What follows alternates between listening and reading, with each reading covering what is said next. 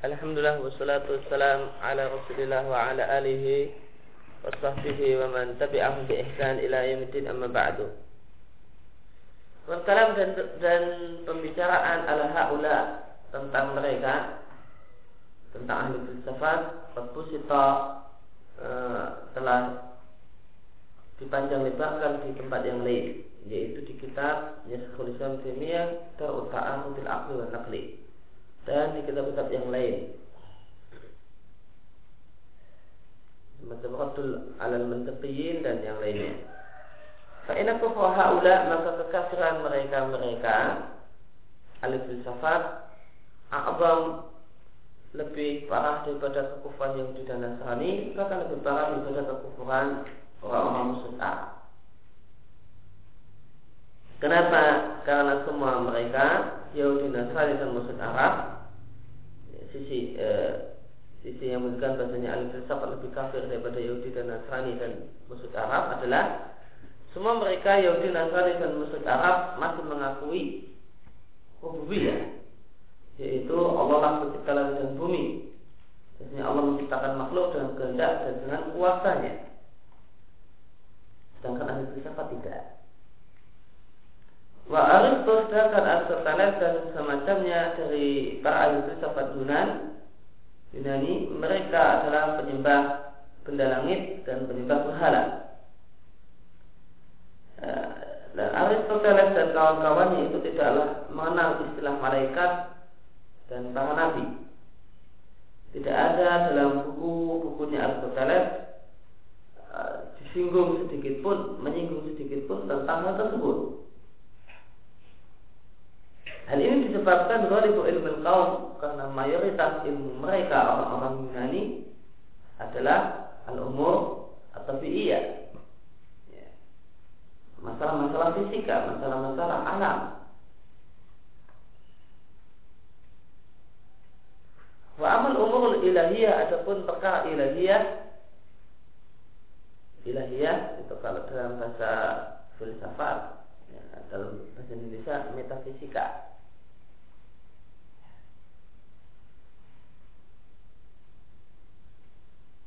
metafisika itu atau ilahiyah di sini maknanya adalah mawara atau bi'ah. Mawara atau bi'ah selain perkara fisika. Selain perkara alam itu ilahiyah. Itu metafisika.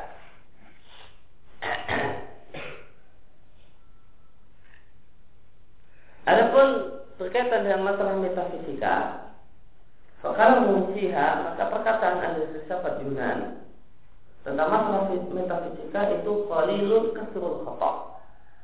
Sudah sedikit banyak lagi salahnya.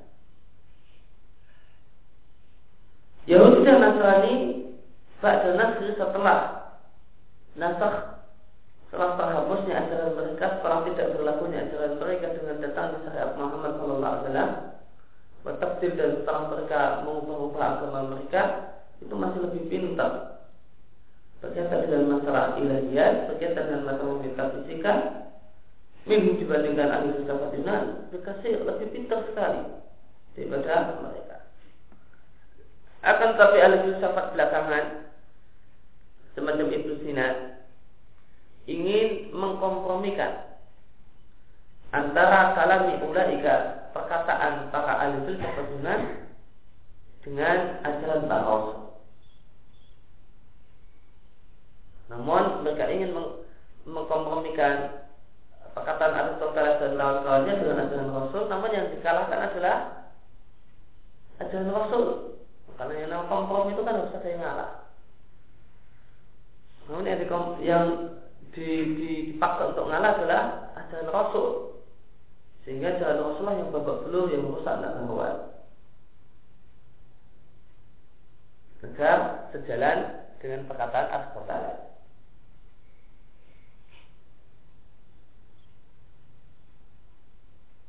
Maka mereka yaitu mutaakhirin mutafalsifah ahli filsafat belakangan mengambil sedikit dari sebagian usul jamiah Mu'tazilah dasar-dasar beragama Jahmiyah dan Mu'tazilah lalu mereka susun. Lalu mereka gabungkan mereka susun.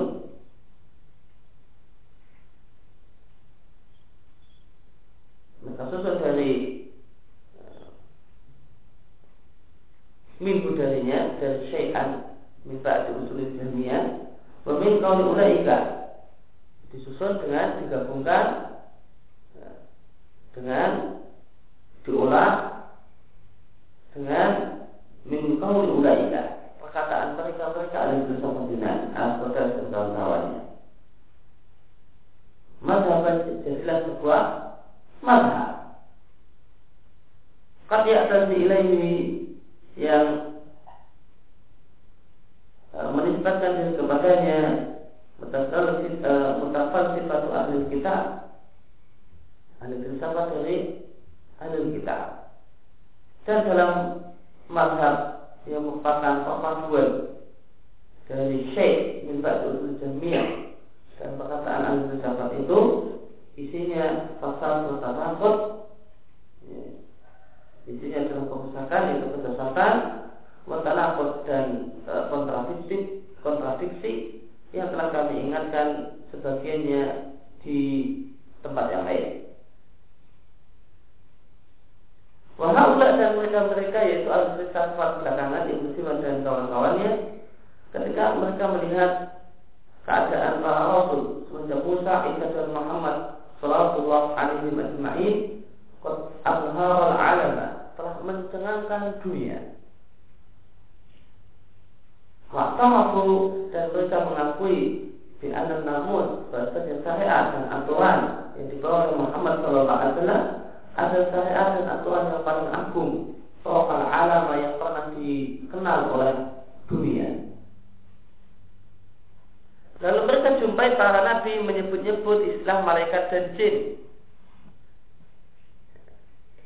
Maka mereka ingin menggabungkan antara istilah tersebut malaikat dan jin dengan perkataan pendahulu mereka yaitu orang-orang Yunani. Maka salah secara bahasa maknanya adalah pendahulu. Padahal para ahli filsafat Yunan adalah min abadul khalqi. Di antara manusia yang paling jauh berkaitan dengan pengetahuan tentang Allah dan para malaikat yang kita bertawassul yang serta hari akhir. Wa ulaika qad ukulan asara.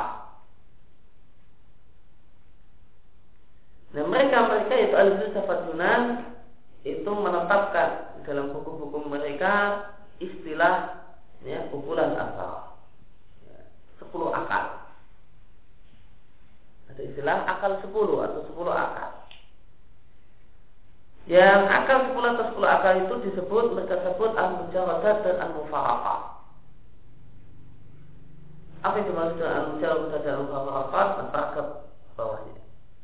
Asal dari asal muasal penamaan Eh, sepuluh akal tersebut dengan al-mujarodah ini diambil dari kata-kata mufaraqat dan nafsi lil badani.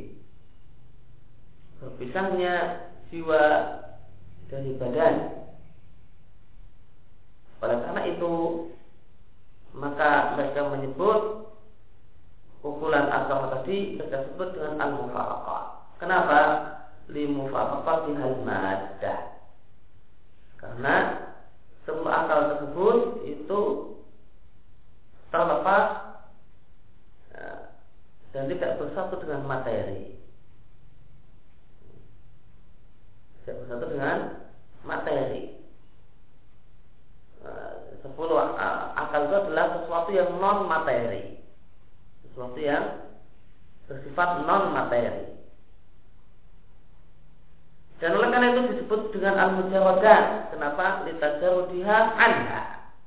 Karena lepasnya dan bebasnya dari materi.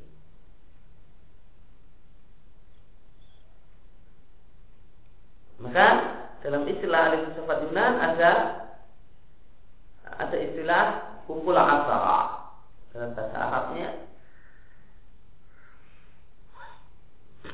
Ke dalam bahasa Arab dengan ukul asal sepuluh akal. Dan sepuluh akalnya adalah sesuatu yang bersifat non materi.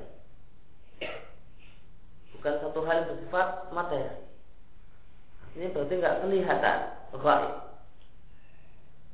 Wa asbatul lil aflaq li kulli falakin nafsa.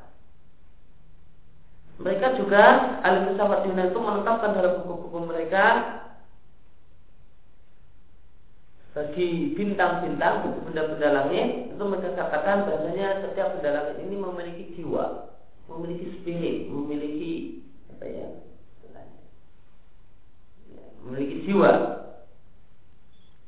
Nah jiwa jiwa yang dimiliki oleh masing-masing benda langit tersebut dimiliki oleh masing-masing bintang tadi akarum ja'aluha a'radan jumhur ahli filsafat Yunan menilai bahasanya jiwanya benda langit jiwa benda langit itu bersifat a'rab Wabaktum ja'alaha jawahir Sedangkan sebagian mereka menetapkannya sebagai jauha. Jawahir jamak dari jauha. A'ad jamak dari uh, a'adu. Jauha itu kebalikannya a'adu. Jauha artinya sesuatu yang bisa berdiri sendiri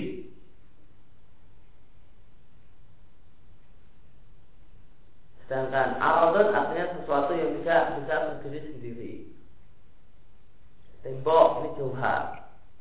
Eh, ini meja, ini jauha.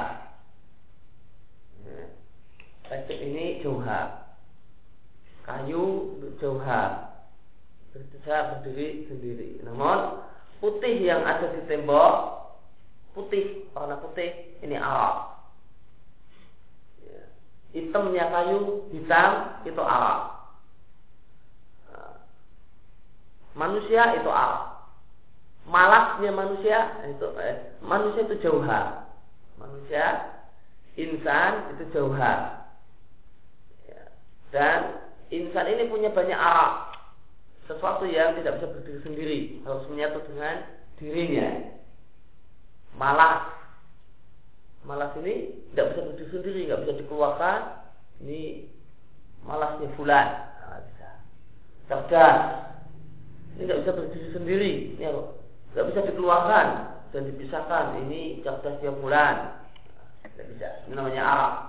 Ini orangnya uh, pendek, pendeknya fulan, ini nggak bisa dikeluarkan dan berdiri sendiri.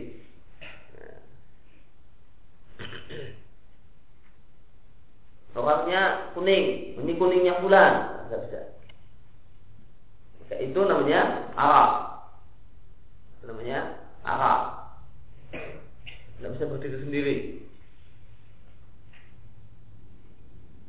Ya mungkin kurang lebih ya semacam sifat benda itulah. Nah kebalikannya adalah jauha.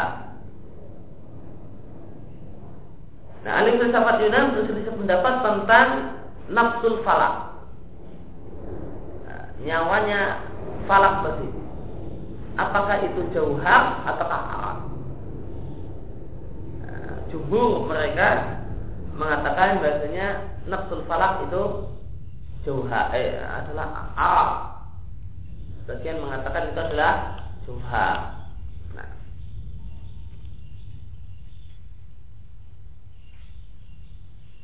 Wahadil mujawadat Jadi telah disebut tentang Pukul asarah Itu adalah mujarad. Itu mereka sebut dengan mujawadat Dan yang dimaksud mujawadat adalah eh, Sesuatu yang bersifat Non materi Sesuatu yang abstrak Non materi Nah Akal sepuluh yang tadi disebut dengan al-mujawadat Karena dia bersifat abstrak dan non materi alati asbatuha yang ditetapkan dan diyakini keberadaannya oleh ahli filsafat Yunan.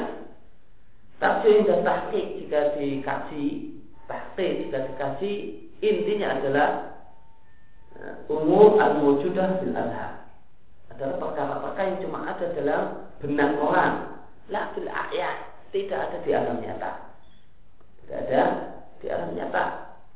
Bagaimana murid-muridnya Pitagoras menetapkan adanya ada dan mujawadatan, adanya bilangan. Namun bilangan mujahadah. Ya, bilangan yang murni bilangan yang tidak ada di alam nyata. Takuras di ilmu di ilmu matematika menetapkan adanya atau bukan tidak ya, menurut Takuras menetapkan bilangan yang itu tidak ada di alam nyata. Apa itu? Apa? Hah? Apa namanya? Contohnya? Hah? Dengan tak hingga Limit-limit itu ada di alamnya tahu? Hah? Imajiner Ada bilang imajiner Di luar imajinasi ya Hah? Akar? Akar min sembilan. Hah? Akar negatif kan nggak ada. Ah. Dilambangkan bilangan mati ini. Ah. Tapi itu ada fungsinya untuk untuk alam nyata ada, ada fungsinya enggak? Hah? Ya cuma dilambangkan. Enggak, itu itu bilangan tersebut ada fungsinya di alam nyata enggak? ada manfaatnya untuk buat apa atau apa harus pakai hitung-hitungan itu Hah? listrik pakai itu hmm? berarti masih ada masih ada yang nyata ya kalau masih ada hubungannya dengan alam nyata ya ada manfaatnya masih berarti bilangan nyata masih ya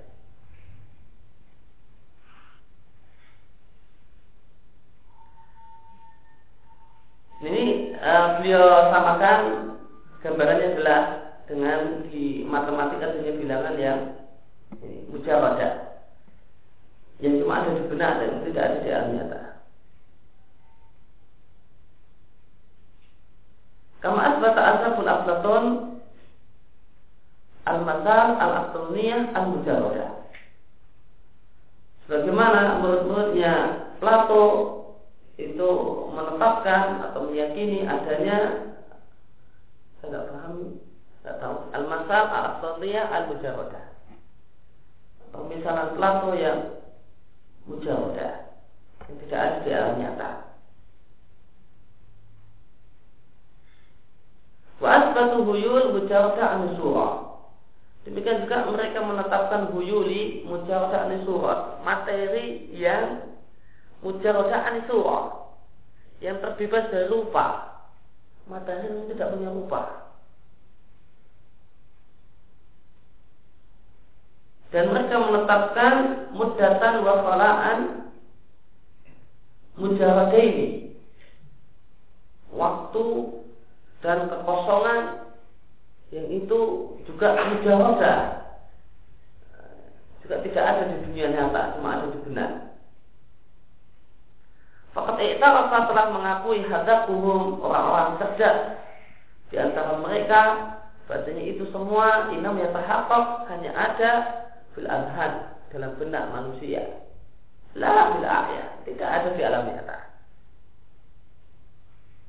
Maka ketika haulai muta'akhirun para ahli filsafat belakangan ingin di antara mereka semacam itu singa ingin menetapkan perkara kenabian dengan menggunakan landasan berpikir ahli filsafat Yunan yang rusak maka mereka membuat kesimpulan yaitu ahli filsafat belakangan bahasanya kenabian itu memiliki tiga uh, ciri khas siapa yang memiliki tiga ciri khas ini itulah yang disebut nabi yang pertama ciri khas yang pertama adalah memiliki kuatun ilmiah kekuatan ilmiah yang mereka sebut dengan kekuatan suci.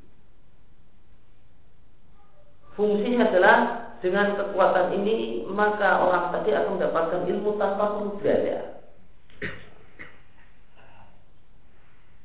Kemudian yang kedua memiliki kekuatan imajiner, kekuatan imajinasi.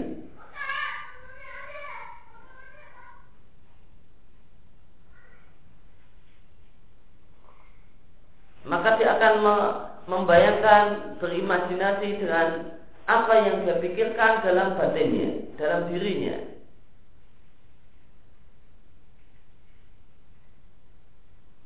Artinya sehingga dia melihat dalam hatinya adanya berbagai gambar, adanya berbagai rupa. Kemudian dia mendengar dalam jiwanya ada berbagai suara. Sebagaimana orang yang itu melihat berbagai rupa dan mendengar berbagai suara. Namun ternyata tidak ada di alam nyata. Orang tidur. Itu melihat rupa dan melihat dan mendengar suara. Tentu semua tidak ada di alam nyata.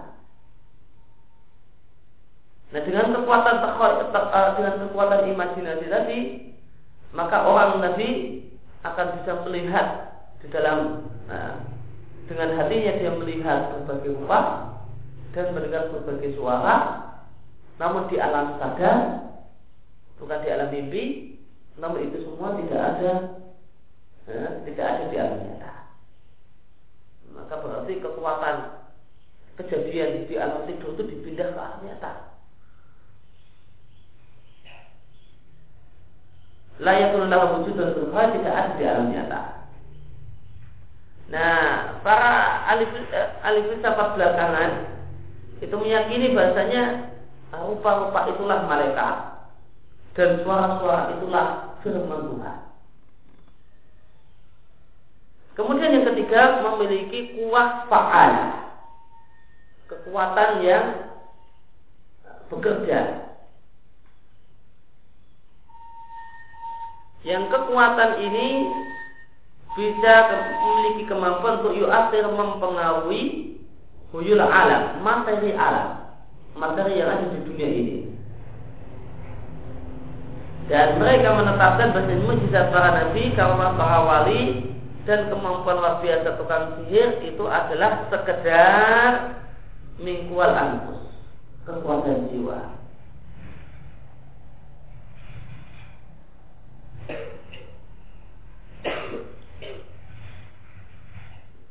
Bagaimana dikatakan oleh uh, tukang sihir hipnotis sebenarnya itu sihir namun supaya Eh, bisa diterima orang maka dia supaya nampaknya ini bukan sihir maka dia katakan bahasanya hipnotis itu hakikatnya adalah cuma kekuatan jiwa. Orang menyuruh orang lain kamu tidur tidur. Nah, ini kekuatan ini punya itu sampai dengan konsentrasi dan yang lainnya kata dia diteorikan semacam itu. Maka ini bisa memaksa orang lain untuk untuk tidur. Maka itu cuma kekuatan jiwa. Jiwa orang orang ini memusatkan perhatiannya, pikirannya, konsentrasinya kepada seseorang yang tidak dia jadikan korban, jadikan sasaran, untuk dikatakan tidurlah kamu.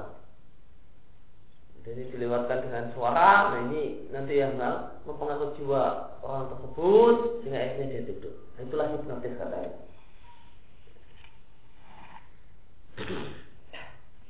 Maka ini supaya agak ilmiah, supaya agak ilmiah dihubung-hubungkan dengan hal yang tidak berhubungan. Padahal itu sihir. Itu sihir.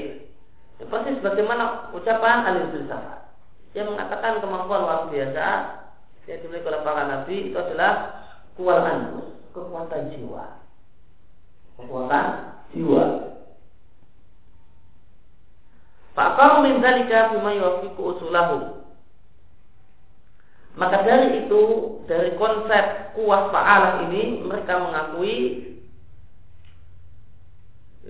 mengakui karamah, mengakui mukjizat yang sesuai dengan usul mereka, usul ahli filsafat. Namun mereka tidak mengimani kalau tongkat bisa menjadi ular dan rembulan bisa terbelah dan semacam itu. Mereka mengingkari adanya mujizat semacam ini. Karena itu mujizat yang jelas tidak bisa diteorikan dengan kual anfus.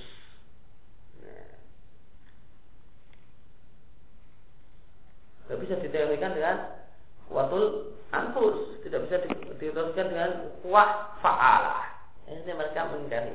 Ini tiga syarat Nabi menurut Ibnu Sina. Nah, siapa yang punya tiga hal ini maka dialah Nabi. Intinya menurut filsafat kenabian itu adalah usaha manusia dan bukan anugerah Allah. Kenabian itu adalah usaha manusia. Siapa yang mengusahakan dirinya agar memiliki tiga hal ini, maka dia adalah nabi dan bukan anugerah. Maka peserta dan kami telah jelaskan panjang lebar peserta dan kalam kami telah memberikan penjelasan panjang lebar tentang hak mereka mereka ada filsafat di berbagai tempat. Babayan anak kalam dan telah kami jelaskan bahwa perkataan mereka ini adalah min absadil kalam adalah perkataan yang sangat sangat rusak, itu sangat sangat sesat. Dan sesungguhnya perkara yang mereka tetapkan adalah ciri khas Nabi tahap selama wa'ab minggu terwujud apa yang lebih hebat dari hal tersebut terwujud bagi ahadil amma orang awam dan wali akali asbin ambiya dan pengikut para nabi yang derajatnya ya, paling rendah sekalipun itu bisa punya tiga hal tadi ya, maka kata Islam tidak benar kalau tiga tiga ciri khas tadi tiga hal tadi adalah ciri para nabi. Orang awam saja punya tiga hal tadi. Pengikut nabi yang paling derajatnya paling rendah sekalipun itu juga bisa punya dan punya tiga tadi. Apa itu jadi nabi semua? Padahal mereka meyakini siapa yang punya tiga tersebut maka dia nabi. Itu keyakinan ahli Kemudian berkaitan dengan bahasanya malaikat itu adalah uh, rupa yang ada dalam hati Nabi namun tidak ada dalam alam nyata. Ya kan? Jadi sampaikan bahasanya malaikat menurut Ibnu Sina itu apa? Itu rupa yang dilihat oleh Nabi dalam hatinya namun tidak ada di alam nyata. Maka Islam membantah dengan mengatakan ada pun para malaikat yang membawa berita kepada para rasul mereka adalah makhluk yang hidup dan mereka bisa bicara dan mereka adalah makhluk Allah yang paling agung dan mereka jumlahnya banyak. Sebagaimana firman Allah Subhanahu wa taala wa may ya'lamu junuda. Allah menyebut menamakan para malaikat dengan istilah tentara Allah. Wa may ya'lamu junuda rabbika dan tidak ada yang mengetahui jumlah tentara Tuhanmu yaitu jumlah malaikat ila huwa kecuali dia karena demikian banyaknya. Wala itu asar dan malaikat itu tidak hanya sepuluh banyak sekali jumlahnya. Padahal mereka mengatakan bahasanya malaikat cuma sepuluh. Ibnu Sina mengatakan malaikat itu cuma 10 agar sesuai dengan ya, agar cocok dengan ajaran Yunan ajaran filsafat Yunan yang me, me, menyebut adanya al-ukul asal ya, mereka jadikan dijadikan oleh Ibnu Sina dan kawan-kawan ukul asal itu adalah malaikat ukul asal jadi itu adalah malaikat. Maka malaikat cuma jumlahnya 10. Maka kata Syekhul Islam bahwa ya alam junud rabbika illa huwa. Jumlah malaikat itu banyak sekali. Bukan hanya 10.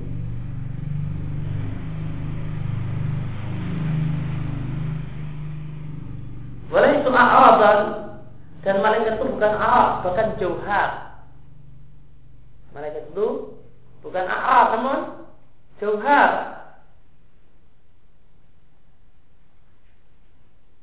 Lasia lebih wa haula mereka ahli filsafat berkeyakinan anak sadir al awal bahwa al al awal bahasanya yang memunculkan yang nomor satu yaitu maksudnya adalah akal yang pertama anhu saudara kulumasiwa semua selain akal yang pertama itu muncul dari akal yang pertama. Segala sesuatu. Padahal akal pertama ini menurut Ibnu Sina adalah malaikat. Maka artinya Ibnu Sina menetapkan bahwasanya malaikat itu mencipta. Malaikat itu mencipta. Ada malaikat tadi istilah malaikat itu dibawa disamakan dengan 10 akal. Nah, akalnya akal, akal ini bertingkat-tingkat. Ini bertingkat-tingkat. Akal satu itu yang paling atas. Dan nanti ada akal dua, akal tiga, dan seterusnya sampai akal sepuluh. Bertingkat-tingkat. Dan akal pertama itu menciptakan semuanya di bawahnya. Semuanya adalah ciptaan akal pertama. Nah. Bahwa indahum Rab kulimat Allah. Maka akal pertama menurut mereka adalah adalah yang menciptakan segala sesuatu selain Allah. Menurut mereka, akal pertama itu adalah pencipta yang menciptakan segala sesuatu selain Allah. Ada Allah, ada malaikat dan malaikat ini adalah akal pertama. Nah, akal pertama ini menciptakan adalah pencipta segala sesuatu di alam semesta ini kecuali Allah. Maka segala sesuatu yang ada di alam semesta ini selain Allah itu menurut mereka bukan ciptaan Allah, ciptaan akal pertama. Wakanda kapul aklin demikian pula semua, semua akal dan sepuluh akal tadi adalah Allah untuk segala sesuatu di bawahnya.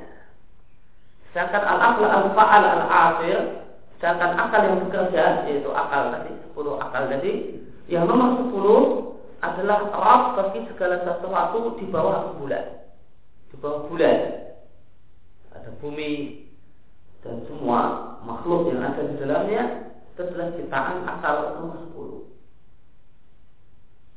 10. Maka bima ilahu fasaduhu bi'itilah. Ini ada satu hal yang diketahui adalah pernyataan yang jelas-jelas diketahui rusaknya secara pasti dalam agama Allah Subhanahu wa taala. Karena semua kita tahu bahwasanya tidak ada satu malaikat yang mubdian menjadi pencipta bagi segala sesuatu selain Allah. Keyakinan kaum muslimin, malaikat itu bukan pencipta.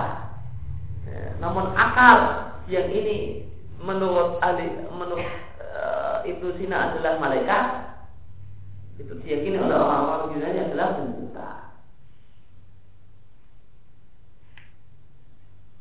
Wahaula dan mereka-mereka yaitu ahli eh, ahli filsafat belakangan Ibnu Sina dan yang lainnya berkeyakinan bahasanya akal yang pertama adalah akal yang disebutkan dalam hadis yang diriwayatkan. Bahasanya makhluk yang pertama kali Allah ciptakan adalah akal. Lalu Allah berfirman kepada akal, datanglah, maka datanglah akal. Asbir, pergilah, balik kanan sana. Fa'asbara, maka uh, pergilah akal. Fakal lalu Allah berfirman kepada akal, Wa dari demi kemuliaanku tidaklah aku menciptakan satu makhluk yang lebih mulia menurutku dibandingkan engkau wahai akal. Dengan sebab engkau aku lebih Aku mengambil dan aku memberi. Mengambil nikmat dan memberi nikmat.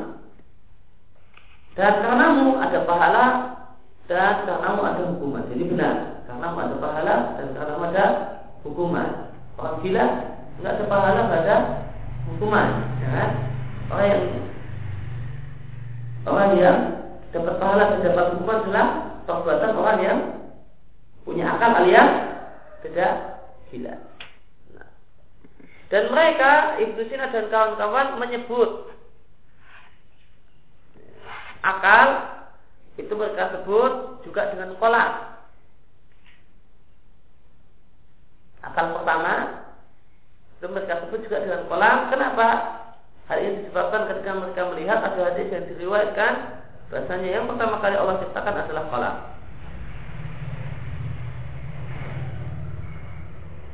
Berkaitan dengan hadis masalah akal tadi, Muhakkik mengatakan hadisnya adalah palsu. Dan dari Ibn Abi Dunia dalam kitabnya Al-Aqlu wa Fadluhu Tabrani dalam Mu'jam Awsal, Ibn Adi dalam Al-Kamil, Ibn Jauzi dalam Al-Mawdu'at, ada sanatnya, namun di sanatin Mawdu' dalam sanat yang Mawdu' Ada hadis penguatnya dari Abu Mama, namun sanatnya bisa nadul wahin bimarah.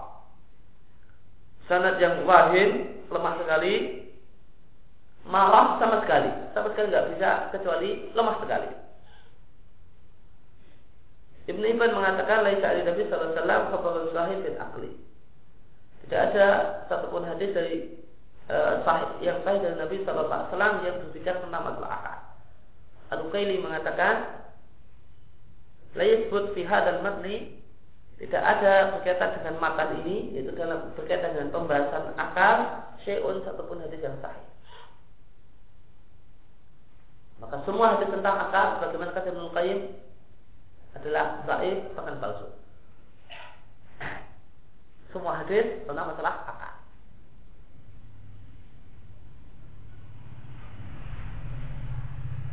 Tentang uh, derajat hadis akal tadi sudah dibahas juga oleh Syekhul Islam di paragraf berikutnya. Wal hadis dan hadis yang mereka sebutkan tentang masalah akal adalah hadis yang dusta, itu adalah hadis yang palsu menurut ahli ma'rifati bil hadis para ulama pakar hadis sebagaimana yang disebutkan oleh Abu Hatim Al-Busti, Abu Hasan Al-Qutni dan Ibnu Jauzi dan yang lainnya. Dan tidaklah hadis tersebut terdapat dalam satu pun di buku-buku hadis alamiyuk sama alaiha yang jadi pegangan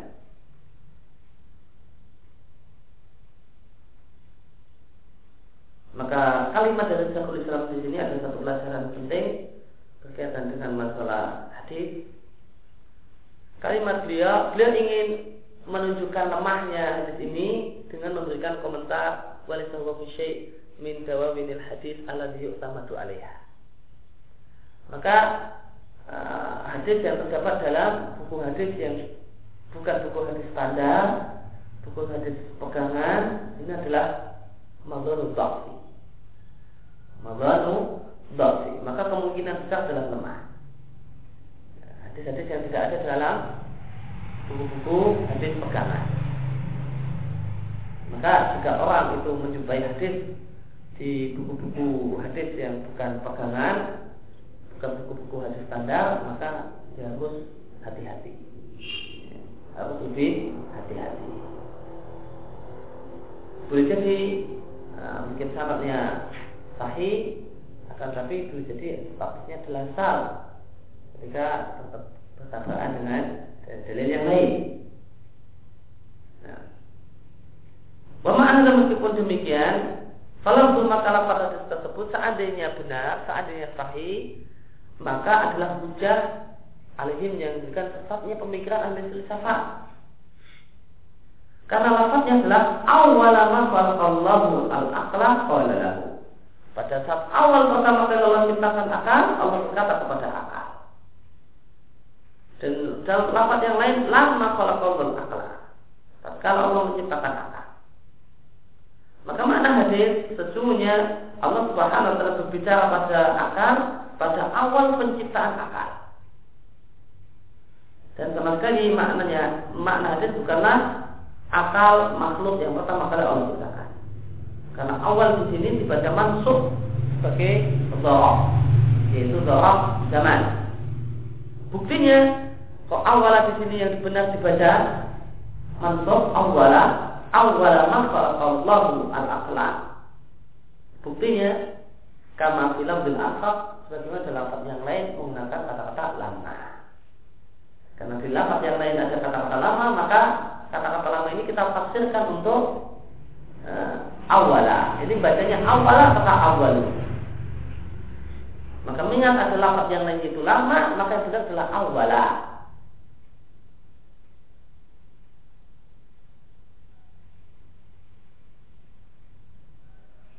Terlebih lagi Syekhul Islam adalah di antara ulama yang berpendapat bahwa makhluk yang pertama kali diciptakan Allah adalah al-arsh.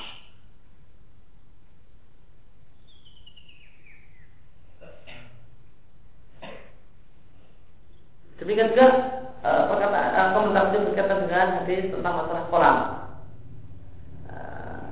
Itu bukan bukan awal bacanya, bukan awal ma khalaqallahu qalam. Namun bacanya adalah awal ma khalaqallahu qalam. Bagaimana tentang masalah akal di sini. Watamamul hadis dan lengkapnya hadis secara penciptakan satu makhluk yang lebih mulia menurutku dibandingkan engkau. Maka kata-kata ini Allah katakan pada saat pertama kali menciptakan akal. Pada saat pertama kali menciptakan akal, Allah berkata pada akal, tidaklah aku ciptakan satu makhluk yang lebih mulia bagiku dibandingkan engkau. Faham ya tadi? Maka kalimat ini menunjukkan annahu khuliqa qablahu ghairuhu. Bahasanya sebelum akal tercipta sudah ada selain akal yang sudah tercipta. Sebelum akal berarti Allah sudah menciptakan yang lain. Karena Allah mengatakan makhluk khalqan itu pada saat pertama kali menciptakan akal. Berarti sudah ada makhluk selain akal sebelum itu.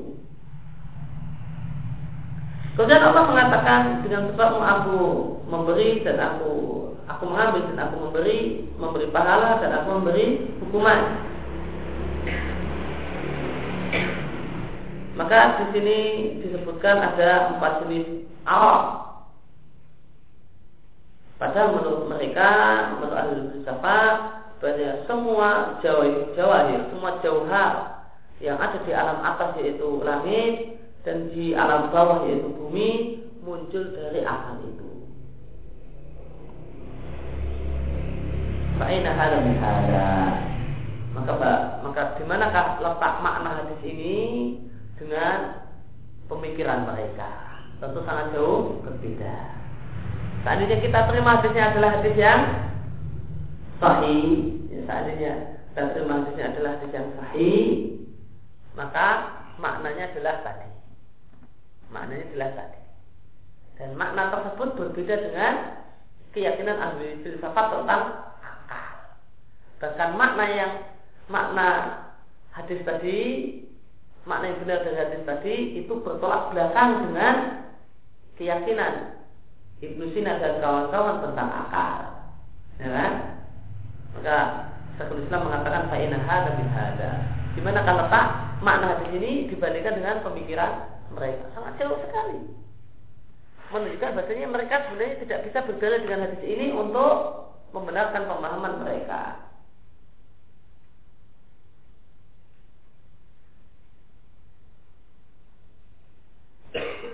Maka kita lihat di sini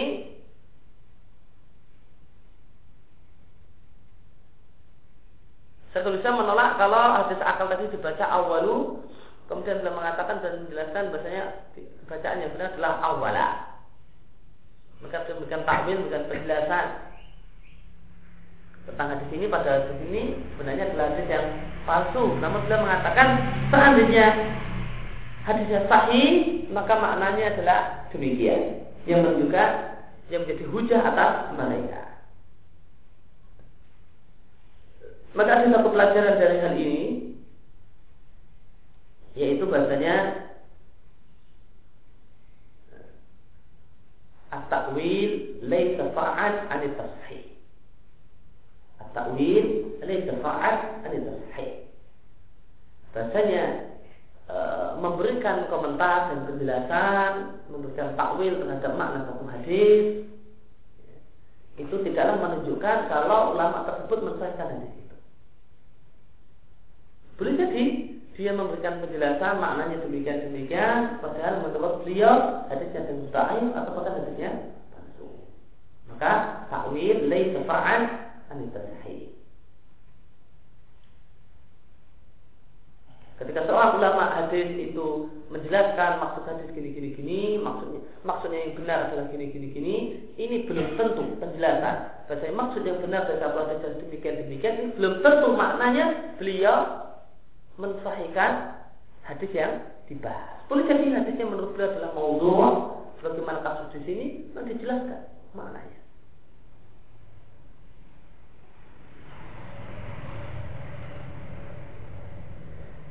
Nah, yang lebih penting adalah pelajaran yang sangat penting adalah pada berikutnya wasababu golati sebab kesalahan mereka. Sebab kesalahan Ibnu Sina dan kawan-kawan apa sebabnya adalah dan akli bertilafat akal dalam bahasa kaum muslimin itu berbeda dengan pengertian akal, akal dalam bahasanya orang-orang Yunani. Karena akal dalam bahasa kaum muslimin adalah masdar dari akal yang dulu akalan bagaimana dalam Al-Quran Allah menyebut akal dengan kata kerja. Dan mereka mengatakan saya ada yang kami mendengar dan kami berakal, maka kami sekarang penghuni neraka. Jika pula dalam ayat yang lain, tentunya dalam hal, hal demikian terdapat tanda-tanda bagi orang-orang yang berakal, yaitu menggunakan akal pikiran. Ya, yang lain Apakah mereka tidak berjalan di muka bumi sehingga mereka memiliki uh, memiliki hati, memiliki kalb yang mereka berakal dengannya dan memiliki mm, telinga yang mereka mendengar dengannya.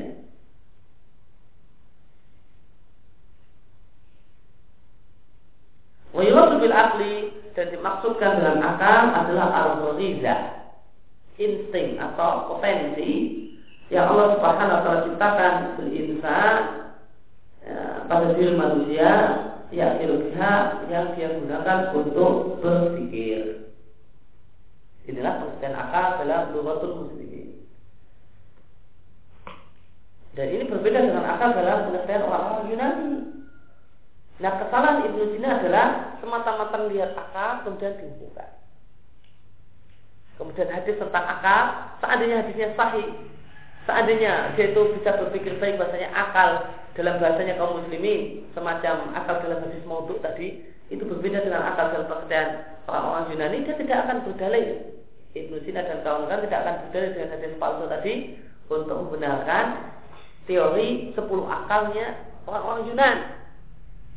Seandainya dia mengerti akal dalam ulungwatul muslimin namun yang menjadi sebab kesalahan adalah karena dia cuma semata-mata melihat kata-kata akal. Oh ini Yunani punya akal.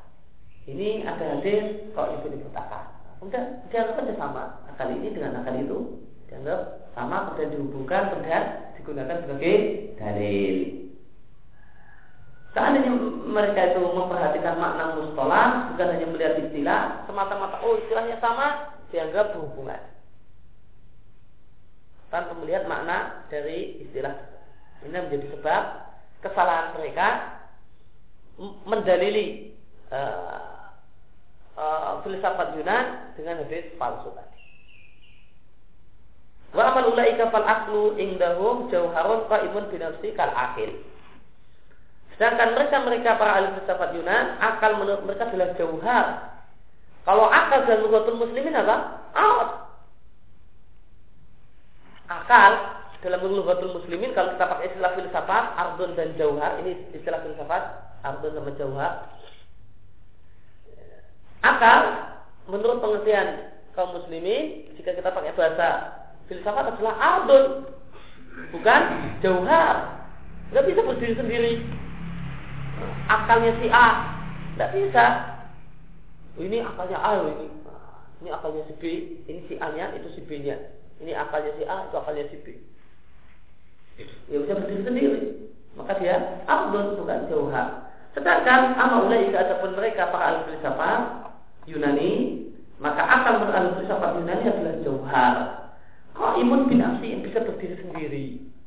Yang eksis punya eh, eksistensi sendiri.